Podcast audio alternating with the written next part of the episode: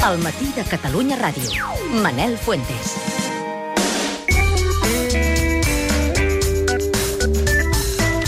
Santiago Rossinyol va ser un artista polifacètic, pintava, escrivia i va ser un dels referents del modernisme a Catalunya. Ara, l'actor Ramon Madaula l'encarna en un monòleg cap al tard que es representa a la Sala Villarroel de Barcelona fins al 27 de juliol, dirigit per Sílvia Munt. Sílvia Munt, Ramon Madaula, molt bon dia.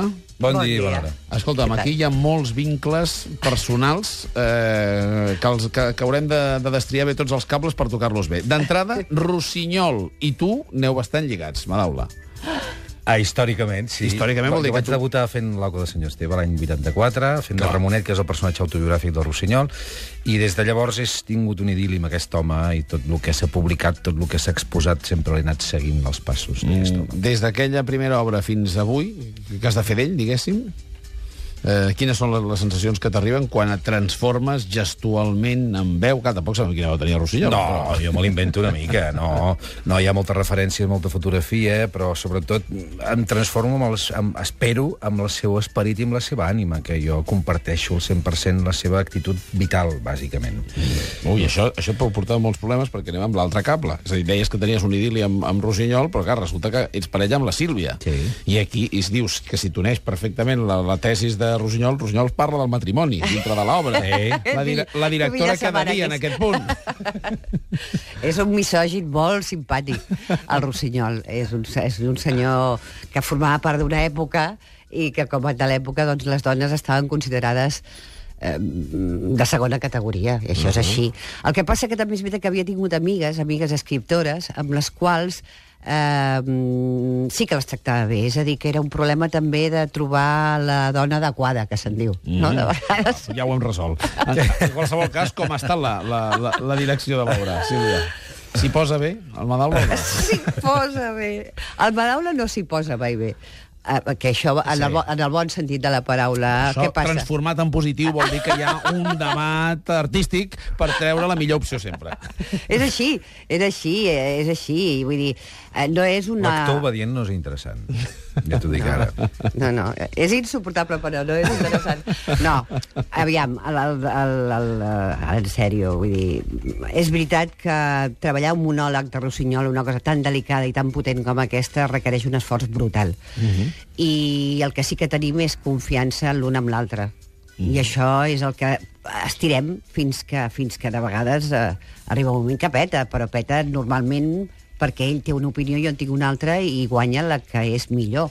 O esperem a que, que cadascú es tranquil·litzi i surti la millor. Imagino que, que aquest eh, ferro forjat que hi ha per, per, eh, perquè l'obra se senti, després el que permet és que aquella delicadesa que hi ha damunt de l'escenari s'aguanti, perquè, perquè és una línia molt prima, estem parlant d'un format complicat, perquè no deixa de ser, com, com deia la Sílvia, un monòleg, però que al final et quedes doncs, amb, no només amb la música en directe que l'acompanya, amb tota una atmosfera, amb tot un clima, on es diuen frases que són absolutament com per anar apuntant amb una llibreta, eh, Madaula?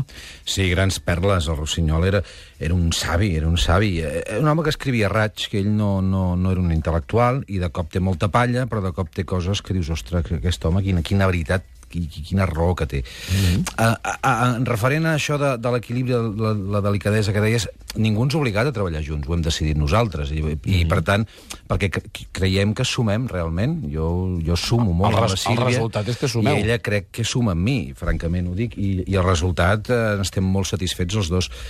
I, I la paraula monòleg l'esteu dient molt jo vull aclarir que no és un monòleg. El, el Rossinyol... No, és veritat, el Rossinyol, el seu íntim amic era l'Eric Satie, era, com van compartir un mansarda a París, i, i parla molt del Satí, té molts retrats del Satí, la música del Satí casa molt bé amb els textos del Rossinyol, i nosaltres a l'escenari hi ha el senyor Satí tocant el piano que acompanya contínuament el, els textos de Rossinyol i que al final és un diàleg entre música i paraula, perquè mm. la gent un monòleg espanta. A mi, a mi em fotria mandra anar a veure un monòleg, però això no és un monòleg, és un, és un diàleg entre el Satí i el Rossinyol. S'ha aconseguit un clima, això sí, això és una veure, evidència. jo, Eh? jo sincerament eh, crec que, que passes una hora i una mica més eh, on d'alguna manera eh, et reconforta sentir, veure un personatge d'aquests que eh, s'identifica amb la rauxa catalana, mm -hmm. la bohèmia, la llibertat, un lliure pensador, una persona que agradava viure, que no tenia por a res, que a més eh, en els moments que hi ha a l'Eric Satie que toca eh, gairebé s'explica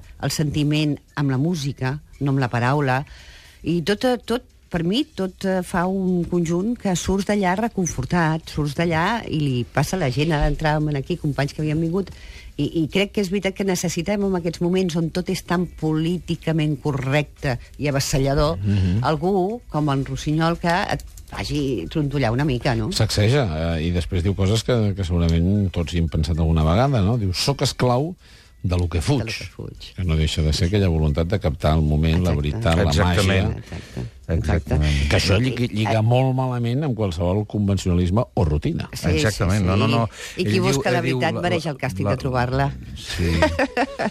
diu, la vida és meva, diu, sense destorps ni barreres, àmplia i oberta de bat a bat, i ell eh, era un marxant d'alegria, com diu, un fabricant de vida, i l'únic que li agradava, li, li interessava era viure la vida intensament i, i, i, i, i, i, i, i, i i l'alegria, era un gran defensor de l'alegria de viure, no? Mm -hmm. A pesar de les de les desgràcies, que tampoc les amaga, perquè va ser un home que va patir, va tenir addiccions a la morfina, eh, va tenir moments... Morfina i alcohol. seva- I l'alcohol absenta.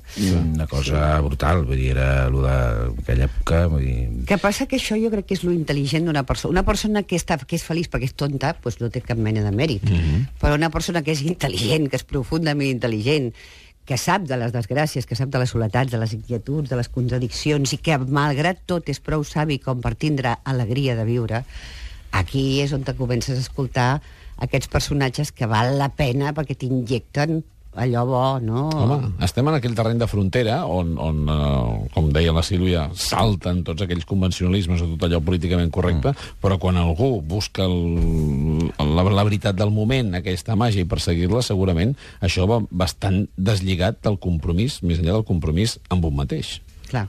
És Clar. possible ampliar més el cercle o no?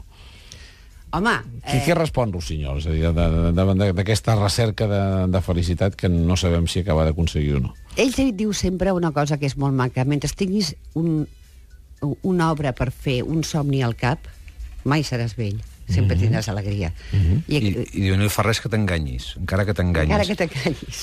Eh, La mentida pot ser motor. Sí, Home. diu, el, el, el, que es, el que espera obtenir alguna cosa l'endemà mai és vell, i no hi fa res que ens enganyem, diu. Uh -huh. Diu, perquè els que busquen la veritat mereixen el càstig de trobar-la. I, I, per tant, eh, ell sap que s'està enganyant, però és, i diu, sóc un caminant de la terra, camino perquè aturat no puc viure, eh, eh, sap, sap que, que és la pastanaga, però ens l'hem de posar per tirar endavant. I sobretot ell, el que li agradava eh, molt era això, transmetre-ho en el país, eh, perquè l'obra aquesta no només parla d'ell, parla de l'època.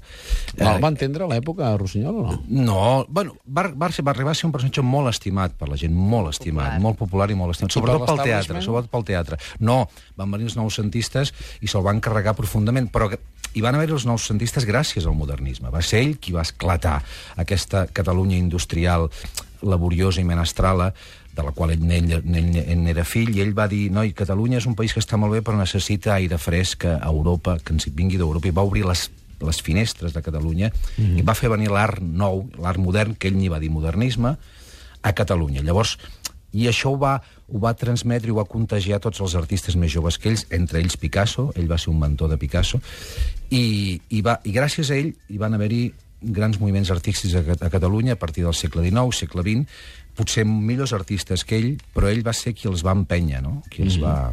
Home, estem d'enhorabona perquè això ho heu fet a Reus, però el fet de que vingui a la Villarroel és fantàstic. Sí, perquè es va estrenar a Reus i va estar girant per Catalunya, però en el moment de portar-ho a Barcelona no teníem dates, no hi havia...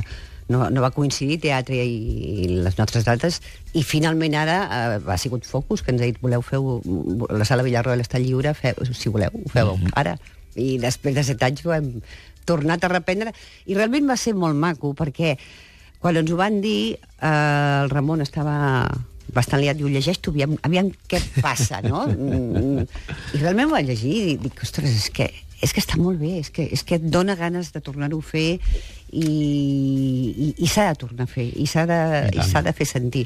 Doncs moltíssimes gràcies. Serà fins al 27 de juliol a la sala de Villarroel, de manera que, Madau Lamunt, un plaer rebre-us. Fuentes, com Ah, vulguis, igualment, estàs igualment. molt convidat. Ens veurem allà. Una petita pausa i tornem de seguida amb els millors moments de l'MCR durant aquests 4 anys, a tria de l'equip i el Problemes Domèstics. Ja venim.